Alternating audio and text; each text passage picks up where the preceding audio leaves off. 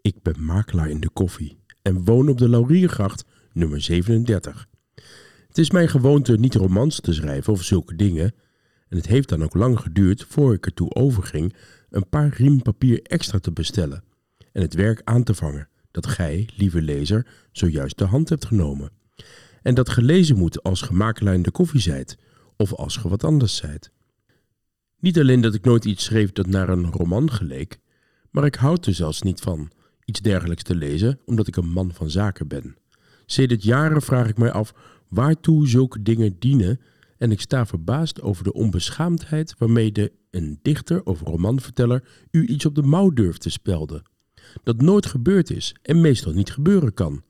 Als ik in mijn vak, ik ben makelaar in de koffie en woon op de Lauriergracht nummer 37, aan een principaal, een principaal is iemand die koffie verkoopt, een opgave deed waarin maar een klein gedeelte der onwaarheden voorkwam die in gedichten en romans de hoofdzaak uitmaken, zou hij terstond Busselinker Waterman nemen. Dat zijn ook makelaars in de koffie, toch hun adres hoeft ge niet te weten. Ik pas er dus wel op dat ik geen roman schrijf of andere valse opgaven doe. Ik heb dan ook altijd opgemerkt dat mensen die zich met zoiets inlaten gewoonlijk slecht wegkomen.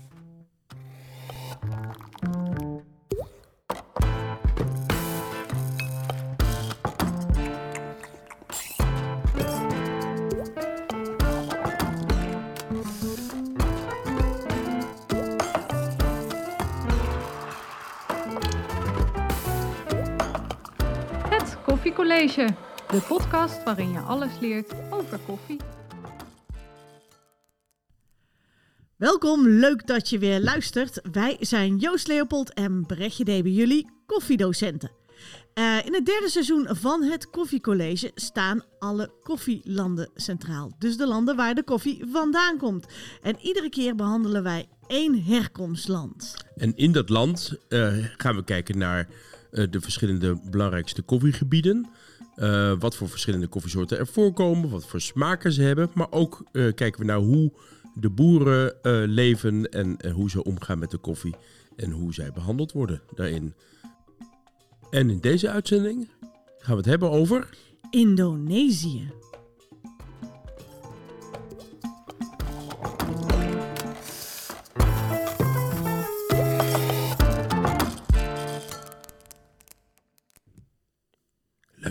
Indonesië. Brechtje, vertel eens wat eh, facts en figures over Indonesië. Ja, we hebben het dus over Indonesië, maar dat is eigenlijk de Republiek Indonesië. Mhm. Hoofdstad Jakarta. Eh, in het land wonen, eh, let op, 267 miljoen 26.366 inwoners. Althans, dat was in 2020. Wauw, wauw. En die mensen zijn verdeeld over 16.065 eilandjes. De Indonesische archipel, zo wordt dat ook wel genoemd, is al heel lang een hele belangrijke handelsregio. Al van heel vroeg, vroeg in de geschiedenis. En dat zie je ook heel goed terug in de cultuur en de religies van het land.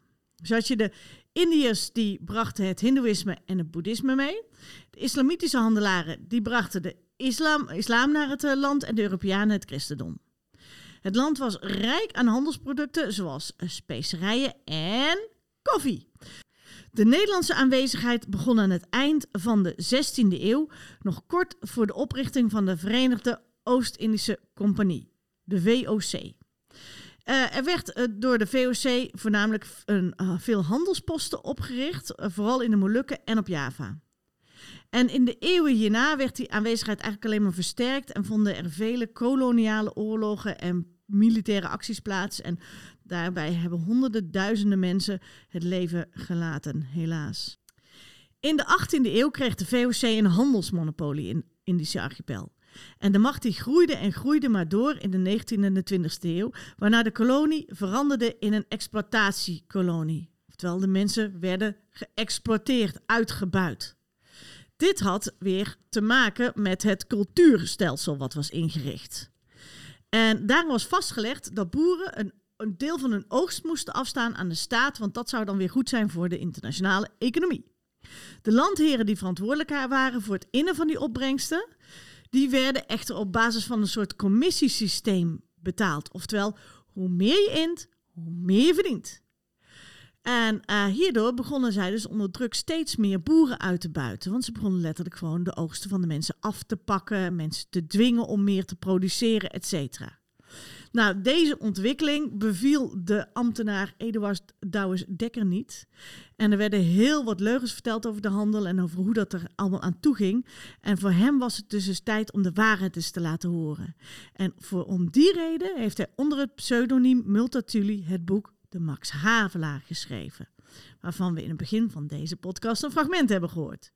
Dit boek is in twee dagen geschreven in 1857. En het was voor hem ook echt een protestboek. En het heeft gewerkt, want het boek kwam uiteindelijk ook in, in, Nederland terecht en bij de Nederlandse regering. En daarna heeft de Nederlandse regering het cultuurstelsel afgeschaft. Nou, ondanks de pogingen van Nederland om de tevredenheid onder de Indische bevolking uh, weer te vergroten, werd de onafhankelijkheidsbeweging steeds sterker. En na de Japanse bezetting tijdens de Tweede Wereldoorlog werd de Indonesische onafhankelijkheid uitgeroepen op 17 augustus 1945.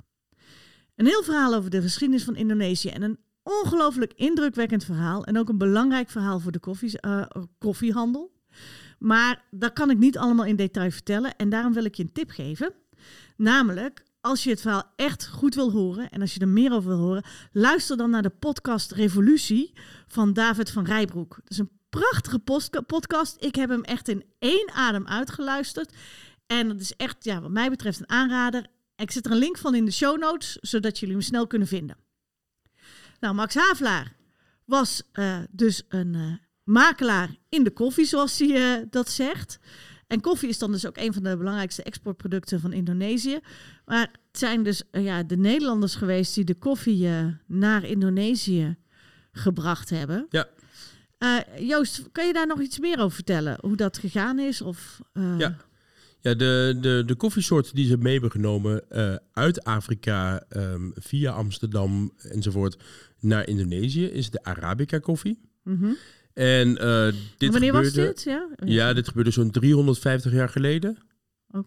Okay. rond 1616 daar. Dat is 300 jaar geleden trouwens. -huh. Nee, 400 jaar bijna. Zo. Sorry. Ja. Dat is lang geleden. Lang geleden. Uh, is de koffie daar terecht gekomen en dat is de Arabica koffie. Ja. En zo'n 200 jaar later is er een enorme bladroest geweest. Mm -hmm. En is daarna de Robusta geïntroduceerd in uh, En bladroest is een, is een ziekte, hè? Ja, is een ziekte waardoor koffieplanten dood kunnen gaan. Ja. En met name Arabica is daar heel erg gevoelig voor. En -huh. omdat Robusta heel goed tegen invloeden van buitenaf kan en goed tegen ziektes kan, uh, is, de, uh, ja, is gebleken dat de Robusta daar veel beter verbouwd kan worden dan de Arabica. Dus er zijn nog, er is veel Robusta wat er uit Indonesië vandaan komt en, en een groot gedeelte ook nog wel wat Arabica koffie. Oké, okay, dus het is met name een Robusta land, Indonesië. Ja, ja, precies. En, en, en welke Arabica-varianten heb je dan? Ja, de Arabica, belangrijkste Arabica-variëteit is de Typica. Ja. En uh, dat is de hoofdsoort als het ware. En uh, dan heb je wat ondersoorten zoals de Lintong en de prachtige namen. De Ja. Blawan en de um, Mandeling. Wauw. We hebben nog de Toraja Kalossi. Echt schitterende namen. Uh-huh. Uh, en uh, het zijn eigenlijk maar drie belangrijkste gebieden waar de koffie vandaan komt. Zo'n 68% van de verbouw uh, van de productie eigenlijk Mhm. van koffie komt uit Sumatra. Oké, dat is een van de grootste eilanden. Dat is een van de grootste eilanden, precies. En uh, daarna uh, komt zo'n 12% uit Java. Mhm. En zo'n 9% komt uit Sulawesi. Oké. En daarna, die bij elkaar opgeteld is zo ergens in de 80. Mhm. Dus uh, de overige 20% komt uit kleinere eilanden zoals Bali. Uh, wat ongeveer de grootte heeft van uh, Noord-Brabant. Mhm. Ja, dus echt een klein eilandje. Flores ook. Mhm. Daar komt ook koffie vandaan. Oké. En, en nou heb ik altijd, als je Indonesische, of in ieder geval als je Aziatische koffie proeft, Ja. heeft dat een hele bijzondere smaak. Ik denk altijd, ja, dus misschien denken zit het in mijn kop, maar ik Mhm. denk, het heeft een beetje een kruidige smaak. Ja. Komt dat nou door de specerijen die daar in dat land groeien? Of wat is er, wat, hoe komt het dat het zo'n hele specifieke smaak heeft? Ja, ja nee, het heeft, het heeft niet per se te maken met de specerijen. Ze verwerken de specerijen niet in de koffie zelf. Mhm. Maar het, uh, het is wel zo dat de koffiebessen direct op de grond ligt te drogen. Ja. En daardoor krijgen ze een hele specifieke aardse smaak mee van de aarde Uh-huh. in de koffie. Oké. Ja, dus die, die, eh, eh, die fermentatie eh, heeft daarmee te maken. En daarnaast, de, de voornaamste fermentatie is de Gieling Bassa. En dat is een soort, soort van verwerken, waarbij de bessen ontpulpt worden. En de, ehm, daarna liggen ze eventjes in de zon te drogen. Ja. Eh, en, ehm, maar niet zo heel lang zoals dat gebeurt in, eh, laten we zeggen, in Ethiopië, waar ze Mhm. vier weken liggen te drogen. Zij liggen ongeveer een dag te drogen. Daarna zijn de pitten eigenlijk nog heel vochtig. Ja. Vochtigheidsgehalte zit zo rond de 33 Mhm. Daarna worden de, de pitten ont, ja, ontdaan van hun perkamentlaag. Ja. Ja, dat, dat harde schilletje als het ware. Uh-huh. En daarna die pitten die daaruit komen, die zijn dan eigenlijk heel blauw en groen Uh-huh. van kleur, maar echt heel mooi diepgroen. Ehm en, en misschien dankt de naam groene koffie ook daar zijn naam aan. Oké, want normaal inderdaad een, een, een groene koffieboom. Mensen vragen dat wel eens aan. Waarom heet het groene koffie? Want het Ja. is eigenlijk helemaal niet Nee, het is helemaal niet groen. Meestal is het een beetje bamboekleurig, eh, Ja. houtkleurig als het ware. Ja. ja. Nee, dit zijn echt groene bonen en, die, eh, eh, en de smaak uiteindelijk door, door, dat, door die fermentatieproces, eh, eh, kort en, en, en eigenlijk heel veel vocht, krijg je ook hele eh, typische aardse smaken. Mhm. Een beetje schimmelachtig, paddenstoel, schimmels moet je aan denken. Klinkt niet heel positief, maar uiteindelijk het eindresultaat is dat je hele zachte, hele fijne, heel zoetige koffie krijgt. Wat een heel mooi mondgevoel heeft. Het is niet hoog in de aciditeit. Is niet heel fris en scherp als het ware, maar het is juist heel mellow, heel zacht en heel prettig. Het voelt heel lekker in de mond. Hm, lekker. Ja. Klinkt, eh, klinkt eh, goed. Ja, maar ik, ik vind dat zelf ook wel. eh, het, heeft, heeft heel erg zijn eigen, eigen smaak. Eigen karakter. profiel. Eigen Ja. karakter, Ja. inderdaad. Ja, ik, ik, ik noem het meestal, als ik wil generaliseren, koffie uit Azië is meestal zoet-bitter. Oké. Ja, dus het bevat ook smaken als tabak en leer en chocolade. Mhm. Ja, en, en, en eh, als, je aan fruit, als je fruit tegenkomt in de koffie, is het meer gedroogd fruit wat je proeft. Mhm. Ja, dus het is niet zo fel, geen citrus, geen Mhm. eh, ehm, eh, bloemigheid als het ware, maar het is juist ja, de wat diepere smaken. En je zei van, er wordt met name veel Robusta geproduceerd Ja. in, in Indonesië. Ja. Nou weet ik dat... Ja, de, de, de, ja, ja, op Java wordt de Robusta het meest verbouwd. ja. En wat heel uniek is aan de Javaanse Robusta is dat deze gewassen wordt. Oké. Vrijwel overal in de wereld wordt Robusta ongewassen aangeboden. Mhm. En daardoor krijgt het ook zo'n hele ja, ehm, ehm, aardse smaken met zich mee. zeg Mhm. maar. maar de, de Robusta uit Java is dan weer niet aards. Die smaakt juist een beetje houtig. Een beetje fris, als het ware. Maar is dat ook, is, heeft dat ook te maken met dat ze nu bezig zijn? Want Robusta is natuurlijk veel eh, resistenter Ja. voor klimaat. Hè? Die kan Ja. veel beter tegen, tegen de Invloeden klimaat, van buitenaf, invloeden ja. van buitenaf. Dus eh, is het ook zo dat ze daarom in, in Indonesië heel erg aan het experimenteren zijn om die Robusta kwaliteit te verbeteren? In, in Aceh zijn, zijn ze worden in ieder geval echt... eh ja, Aceh is een regio van Sumatra. ja, precies. En daar zijn ze in een bepaald gebied heel erg bezig om te kijken of dat ze door de verwerkingsmethodes aan te passen. ehm, Oké. op de, als het ware, Robusta is precies hetzelfde te verwerken als Ja. Arabica. Daardoor ook de kwaliteit van de, van de Robusta smaak omhoog. eh, Kijk, je krijgt toch een soort specialty Robusta. Ja, zoiets. Ja, je mag het niet zo noemen, geloof ik. dat ze het geen specialty Robusta mogen noemen, maar wel eh, beter. Ik weet niet hoe ze zeggen, betere kwaliteit Robusta Ja. of iets dergelijks. Nou, als iemand het weet, dan mag hij het, mag hij het aan ons doorgeven. High quality Ja, de, ja, precies. Er is een soort Ja. van, eh, van, van verbeterde eh kwaliteits... Ja. Ehm, ehm, jij hebt ook je hebt je, of in je vooronderzoek eh, gesproken met, met Leon Zaal van, Mhm. Ja. van, van. Ja, fantastisch. Hij is hier in Nederland toch wel een van de specialisten op het gebied van het inkopen van groene Ja. koffie uit Indonesië. Dat doet Ja, hij ik volgens ken, mij al ik ken hem al heel lang. Ik heb ooit voor Smit en Doorlas eh, presentaties verzorgd met de, de Siphon Bar. Mhm. En toen de tijd eh, gewerkt ook met de Sumatra, Sumatra Raja Patak Oh ja. koffie, honey processed koffie. En Leon was altijd als een, liep als een koning. Eh, liep hij als het ware naar de Siphon Bar toe van, oh, die koffie is van mij. En wat vind je ervan? Nou, het was ook een fantastisch koffie. Dus eh, we hebben Leon eh, gevraagd om eh, ja, medewerking te verlenen aan deze podcast. Ja. En eh, heeft een aantal interessante, leuke dingen verteld. ja, want waar ik zo benieuwd naar ben, is wat, eh, wat in ieder geval wat de, de uitdagingen ook zijn van eh, de sector. Want ja, het Ja. klimaat is natuurlijk een enorme uitdaging. En Ja, Het land heeft natuurlijk heel veel te maken met ja, rampen, of dat nou tsunamis of nu eh, weer een eh, vulkaanuitbarsting op Ja. Java. Het, het houdt daar eigenlijk maar niet op. Het is echt ook wel een gevoelig land wat dat betreft. Maar wat zijn, wat zijn volgens hem ook de uitdagingen als je ja, koffie uit Indonesië wil eh, kopen of voor Ja. de Indonesische boeren? Ja, hij bekijkt het wel heel erg vanuit zijn eigen perspectief als koffieinkoper. Mhm. De uitdagingen die er voor hem zijn. En de, koffie, en de uitdaging die voor hem is, is dat, dat hij niet goed weet of hij kwaliteit eh, krijgt, ja of nee. Mhm. Eh, hij kan niet zomaar eh, op basis van een papiertje bepalen of hij het koopt, ja of nee. Mhm. Dus dan moet je er echt zelf naartoe. En als je er zelf naartoe gaat, dan moet je gigantische afstanden overbruggen. Ja, het, het hele eilandenrijk is 5000 kilometer breed. Ja. Dus je bent soms 12 uur onderweg van de ene plek naar de andere Ja. plek. Uh-huh. Eh, over doodenge wegen eh, en, en, en hobbelige wegen enzovoort. Dus het is echt levensgevaarlijk om naar die, eh, naar de koffiegebieden te komen. Ook voor die boeren dan dus ook lastig Ja, om die koffie dan weer naar de te havens exporteren, te krijgen. ja, zeker. Ja. Dan zou je toch de- denken dat ze in zoveel jaren tijd, zoveel eeuwen tijd, Zou je verwachten, hè? de boel Ja. wel verbeterd zouden hebben. Ja, ja, dat is wel heel erg wij zijn gedachte nu, hè? Uh-huh. Dus daar moeten we eh, voor oppassen. Maar aan de andere kant, eh, eh, je, je, zou wel verwachten dat na 300 jaar verbouw van koffie, dat er enigszins progressie in zit. Nee, hij vertelt juist dat ze heel erg conservatief zijn. En dat ook, ook het gebied van duurzaamheid, uitdaging eigenlijk, dus de sociale, economische en klimatologische uitdagingen, dat er eigenlijk heel weinig mee gedaan wordt. Hm.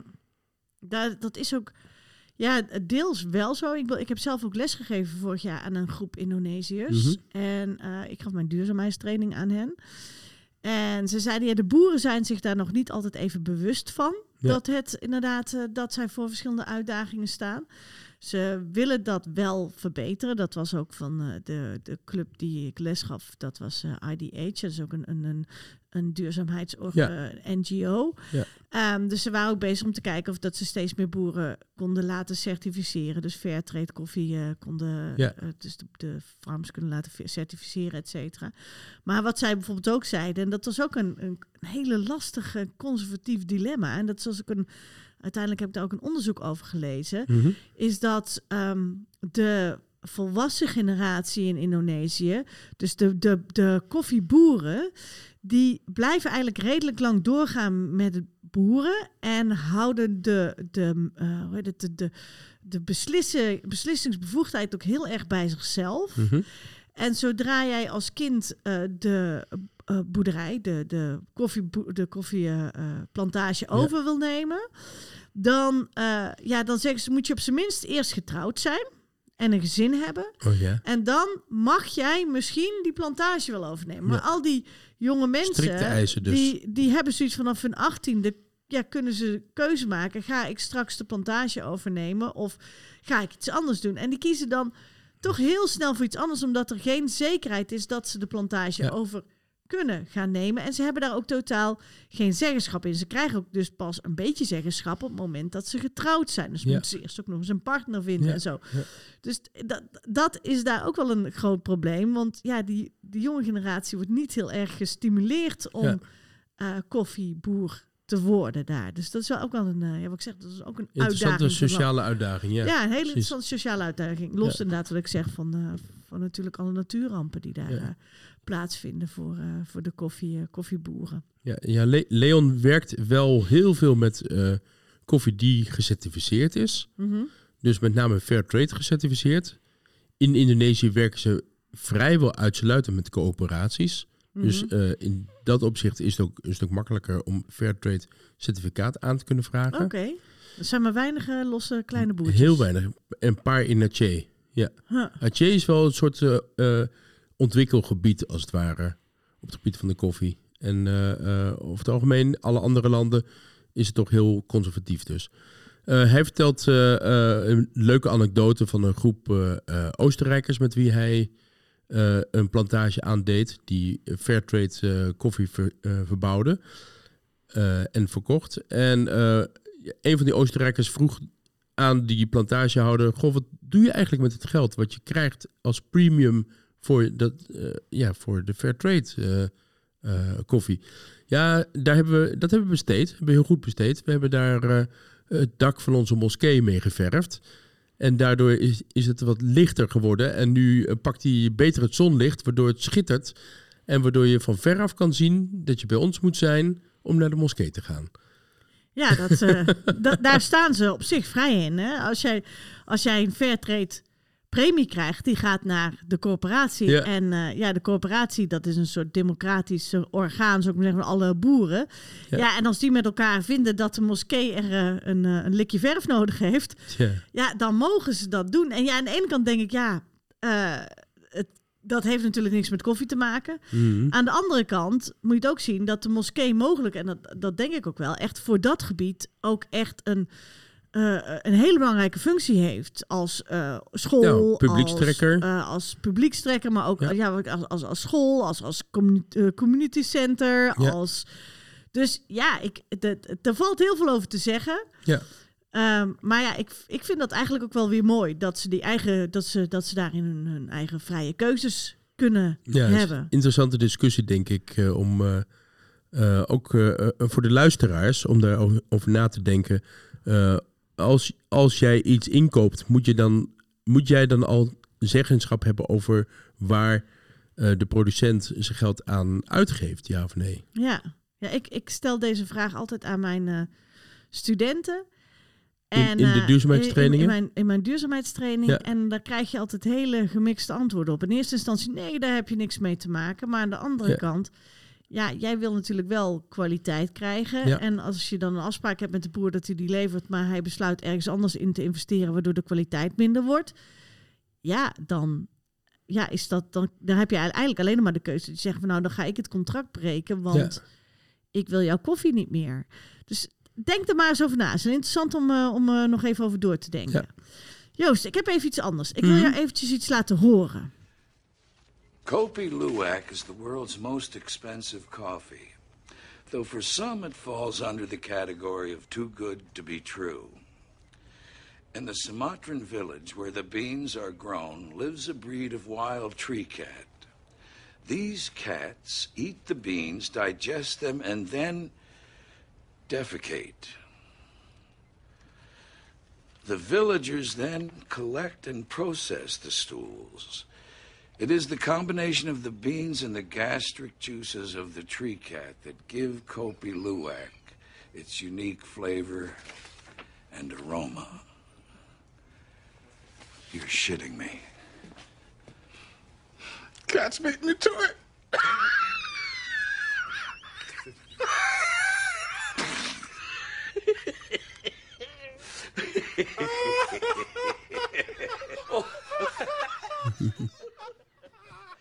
ja. ja, dat is eh, Jack Nicholson En Morgan Freeman. en Morgan Freeman. De bucketlist. Ja, geweldig eh, stukje. Een geweldig fragment, een wereldberoemd fragment. En wat dit fragment ook wereldberoemd heeft gemaakt, is de, Koppie Luwak. de Kopi Luwak. Ja, een, een, een zwaar eh, overrated, eh, eh, overgewaardeerd kopje koffie. Ja. Ehm, ik, heb, eh, ik, ik heb in de tijd dat ik bij Boot werkte, uh, Koppie Luwak ook eh, eh, gebrand en ook eh, bereid. Ja, en dat was toch wel echt anders dan andere koffie. Was het lekker? Och man, het was fantastisch. Dus het is niet helemaal overrated. Nee, ik vond het echt, echt heel lekker. Het was de smaak. Je moet je echt voorstellen als je paddenstoelen hebt en je hebt truffels. Ja? Nou, de smaak van truffels. Oh, wauw. Ja, dus echt een hele mooie, diepe, aardse smaak die, die ja, heel bijzonder is. Maar vertel, wat is het nou? Want dat is toch een, ja, die vraag krijgen we vaker. Ja. Het is, is dat eh, die koffie, die kort gezegd, de eh civetkat, een martenachtig beestje, die eh, leeft in het wild, in de, in de tropen. In Indonesië. in de Indonesië, precies. En die speurt met zijn meest verfijnde neus de meest rode rijpe koffiebessen Mhm. op. En die eet die koffiebessen En die pitten ver, ver- eh, verteert hij niet. Dus die pitten die poept hij weer uit. Die uitwerpselen die worden vervolgens eh, gevonden. En die worden geraapt, die worden schoongemaakt, die worden gedroogd enzovoort. En dan heb je de luwak koffie. Oké. Doordat die pitjes via het spijsverteringskanaal van het beestje als het ware naar buiten zijn gegaan, Mhm. is er een speciaal enzym vrijgekomen, waardoor de smaak vele malen dieper is en mooier geworden is dan wanneer dat eh, eh, gewoon, eh, gewoon gedroogd wordt in, in de lucht. Ze hebben hetzelfde ook geprobeerd met olifanten Ja. en met de jacu-beurt in Brazilië. Ja, de vogel, gehad, daar hebben we ja. het over gehad. En zelfs, er is een uitzending van proefkon- proefkonijnen van Dennis en Valerio, een aantal jaar geleden, die dat ook hebben geprobeerd. Nou, dat bleek geen succes te zijn. Zelf. Ja. Gadverdamme. Menselijk uit. Nou, daar eh, gaan wij ver, niet verder op Laten we maar niet op ingaan. Hey, Precies. maar ik snap hem toch niet. Want eh, je zei, in het begin zeg je, ja, het is het meest overrated. Want het is Ja. belachelijk. Wat, wat kost het? Nou, eh, ik zou je vertellen. van de echte Wild Gaio Luwak. Dat is de luwak geproduceerd in de hooglanden van Aceh. Eh, waar, eh, waar de civetkat in het wild leeft, komt er maximaal 5 kilo per jaar op de markt. Vijf kilo. Dus Vijf dat zijn kilo. vijf pakken koffie. Precies. Oké. En eh, Gebrande koffie of vijf kilo groene koffie? groene koffie. Oké. Dus als je dat hebt, Mhm. dan heb je echt goud in handen. Ja. Maar dat is ook maar 1% ongeveer, of laten we zeggen 5% van de totale productie van luwak koffie. Er is heel veel luwak koffie waarbij de beesten in kooien worden gehouden. Oké. En geforce-feed worden met eh, koffiebessen. Oké, dus die worden in, in, in, in- net zoals als, als ganzen, zou ik maar zeggen. Ja, Met de als, ganzenlijven eh, worden- foie gras, als het ware. Worden ze echt geforcefeed? Of, of worden ze Ze- gewoon in nou, een, in een ze- kooi gezet met heel Het veel enige bessen? wat ze te eten krijgen zijn die koffiebessen, dus niks anders dan koffiebessen. Ja, Eh, en die beesten, omdat ze zo adrenaline aanmaken, zeg maar, omdat ze in die, eh, dat ze in angst als het ware in die kooitjes zitten, Mhm. ja, krijgt die smaak van die koffie lang niet hetzelfde smaakprofiel als wanneer die in het wild leeft. ja. Aan de andere kant, wanneer, wanneer, de, koffie, eh, wanneer de luwak in het wild leeft, ehm, zal die eh, niet kieskeurig zijn. Kan het ook zijn dat hij Robusta eet of Arabica eet. Mhm. Het kan zijn dat hij eh, ehm, eh, net niet helemaal rijpe bessen heeft of overrijpe Of bessen iets heeft. anders eet. Of iets anders eet. Dus de, het smaakprofiel van de wilde luwak is toch anders dan die eh, van die in kooitjes gehouden worden. Mhm. Die is misschien wat helderder in smaak, maar tegelijkertijd is dat, ja, zoals we dat wel zeggen, eh, from assholes for assholes. Ja, dus eh, Hey, maar over, over want wa- wat je heel vaak ziet is dat het, ja, het, het is door natuurlijk ook door de populariteit van dit soort filmfragmenten, et Ja. cetera. Heeft het, ja, is, is het voor de toerisme-industrie ook een, een product geworden? Ja. Nou, eh, kan je dus in, Ja, Indonesië eh luwak kopen. ja, Stel dat je nou echt gewoon luwak wil hebben. Dus echt een Ja. lekkere. Want ja, wat moet je doen als toerist om goede luwak te ja, krijgen? niet kopen. dat is eigenlijk heel raar. Maar in Indonesië is het heel gebruikelijk om eh, al honderden jaren lang om koffie zo donker mogelijk te branden. Ja. Ja, en eh, wanneer het gebrand wordt, of gebrand is, wordt het daarna fijn gemalen en gezet als kopje toebroek. Dat is eh, gewoon letterlijk gemalen koffie. Dus geen oploskoffie, maar gewoon gemalen koffie in je kop. Heet water erbovenop. En eh, zo ontstaat er een soort, eh, soort schuimlaagje, als het ware. Dat, dat breek je weg en dan drink je het op. Net zoals heel puur, net zoals Ja. bij cupping, precies. Nou, ehm, daarvoor moet de koffie heel donker gebrand zijn, om, om vooral die zoete bitters te laten proeven. Mhm. En wanneer je heel donker brandt, verlies je eigenlijk alle mooie, verfijnde smaken. Nou, als je in, ehm, in Indonesië zelf de luwak koopt, eh, zou je dus nooit, en die is al gebrand, zou je dus nooit mooie, verfijnde smaken proeven. Daarnaast, het probleem is dat je natuurlijk terug moet vliegen naar Nederland. Ja. Als je gaat vliegen, dan ga je eh 10 kilometer de lucht in, waardoor de druk eh, ervoor zorgt dat alle mooie gassen uit de koffie worden geperst. Mhm. Vervolgens kom je in Nederland aan, dan heb je zo'n blokje beton als het ware Mhm. in, je, in je tas. Als je dan nog de smaak eruit wil krijgen die je daar hebt ervaren, ja, dat is vergeefse moeite. Dus aan te raden. Als je het echt wil drinken en je Groene hebt voor heel veel geld groene koffie, Ja. daar vragen of het gebrand kan worden met een brandprofiel wat jij zelf prettig vindt. Nou, eigenlijk- methode. Eigenlijk koop het daar als groene koffie in. Ga hier naar een brander om het Oh, hier in een sample brander te laten branden. Oké, ma- mag dat? Mag je groene koffie exporteren of moet dat gewoon stiekem Ja. tussen je onderbroeken Of leggen? stiekem, stiekem, ja, tuurlijk. Gewoon stiekem tussen je Ja, onderbroeken. precies. En eh, eh, eh, ik had ook En, en wat ook wel een pikant detail is, over onderbroeken gesproken. over onderbroeken gesproken, is dat er heel vaak luwak koffie te koop aan wordt geboden, wat helemaal geen luwak is. Oh, Wat gewoon een hele andere koffie is. En die ziet er dan ook een beetje zo uit als de luwak. Die ke- is namelijk overgefermenteerd. Jij ziet aan de groene boontjes echt niet of het nou luwak is of niet luwak is. Het zijn gewoon, het zijn gewoon defects. Het zijn gewoon defects, precies. Ja, gewoon, gewoon mislukte. ja en, en de die prijzen die mensen ervoor vragen. Ja, de duurste die ik ooit heb gedronken was 1300 euro per kilo. Zo. Ja, dus wij verkochten dat bij Bootkoffie toen voor, voor 60 euro per zakje van 50 gram. Dus hoeveel zou je dan per kopje Dan betalen? kan je, eh, kan je acht kopjes koffie uithalen. Dus eh, Nou, 12, 60 euro gedeeld door 8, ja, eh, eh, zo'n 9 12, 12 tot kopjes. 12 euro Ja, eh, zoiets, per 12. kopje, dat Jeetje, idee. Ja. En ehm, Valt eigenlijk nog, gek genoeg, maar valt eigenlijk best nog wel mee. Een hele Ja, maar ik- glas wijn ik betaal heb je dus prijzen gehoord van 50.000 euro per kilo luwak. Nou, Ja. dat is echt, dat, eh, dat is vaak eh, verpakt in een zijden zakje, in een doosje met goud omrand enzovoort enzovoort. Dan betaal je meer voor, dat, voor de verpakking. meer voor de verpakking dan voor de luwak zelf, ja. Ja. En is luwak alleen maar verkrijgbaar in Indonesië? Ja, dat is hun exportproduct. Ja. Ja, maar je hebt het ook, heb je het ook in andere landen? Leeft dat beest ergens anders ook? Nee, nee, nee, volgens mij niet. Nee, nou, ja, ze kunnen ongetwijfeld... eh, je kan eh, hier eens proberen met een fret in Nederland. Oh, dat kunnen we ook nog doen. Ja, kijken wat Fred gebeurt koffie. als je- Fred koffie.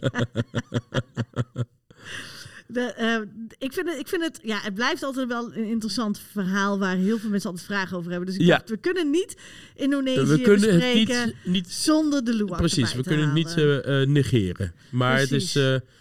Pas, pas goed op voor zwendel. Ja, En ehm, als het je lukt om echt lekkere koffie ja, te hebben, dan wens ik je heel veel eh, genot.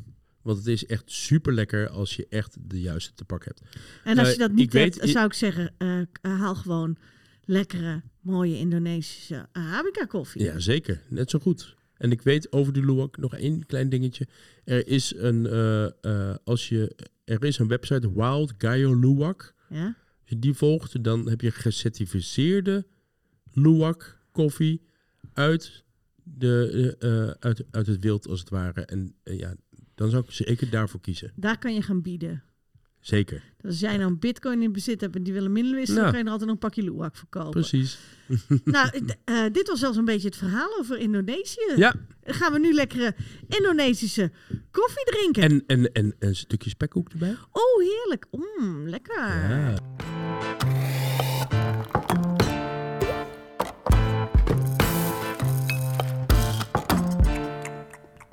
Volgens mij hebben we alles verteld over Indonesië inmiddels, toch? Ja, ik geloof het wel. Eh, dit was alweer de derde aflevering. Mhm.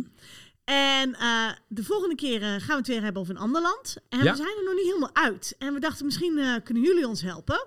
Want we willen namelijk een land, een koffieland in Midden-Amerika. En dat kan zijn Guatemala, Panama, Costa Rica. El Salvador, El Salvador, Honduras. Honduras.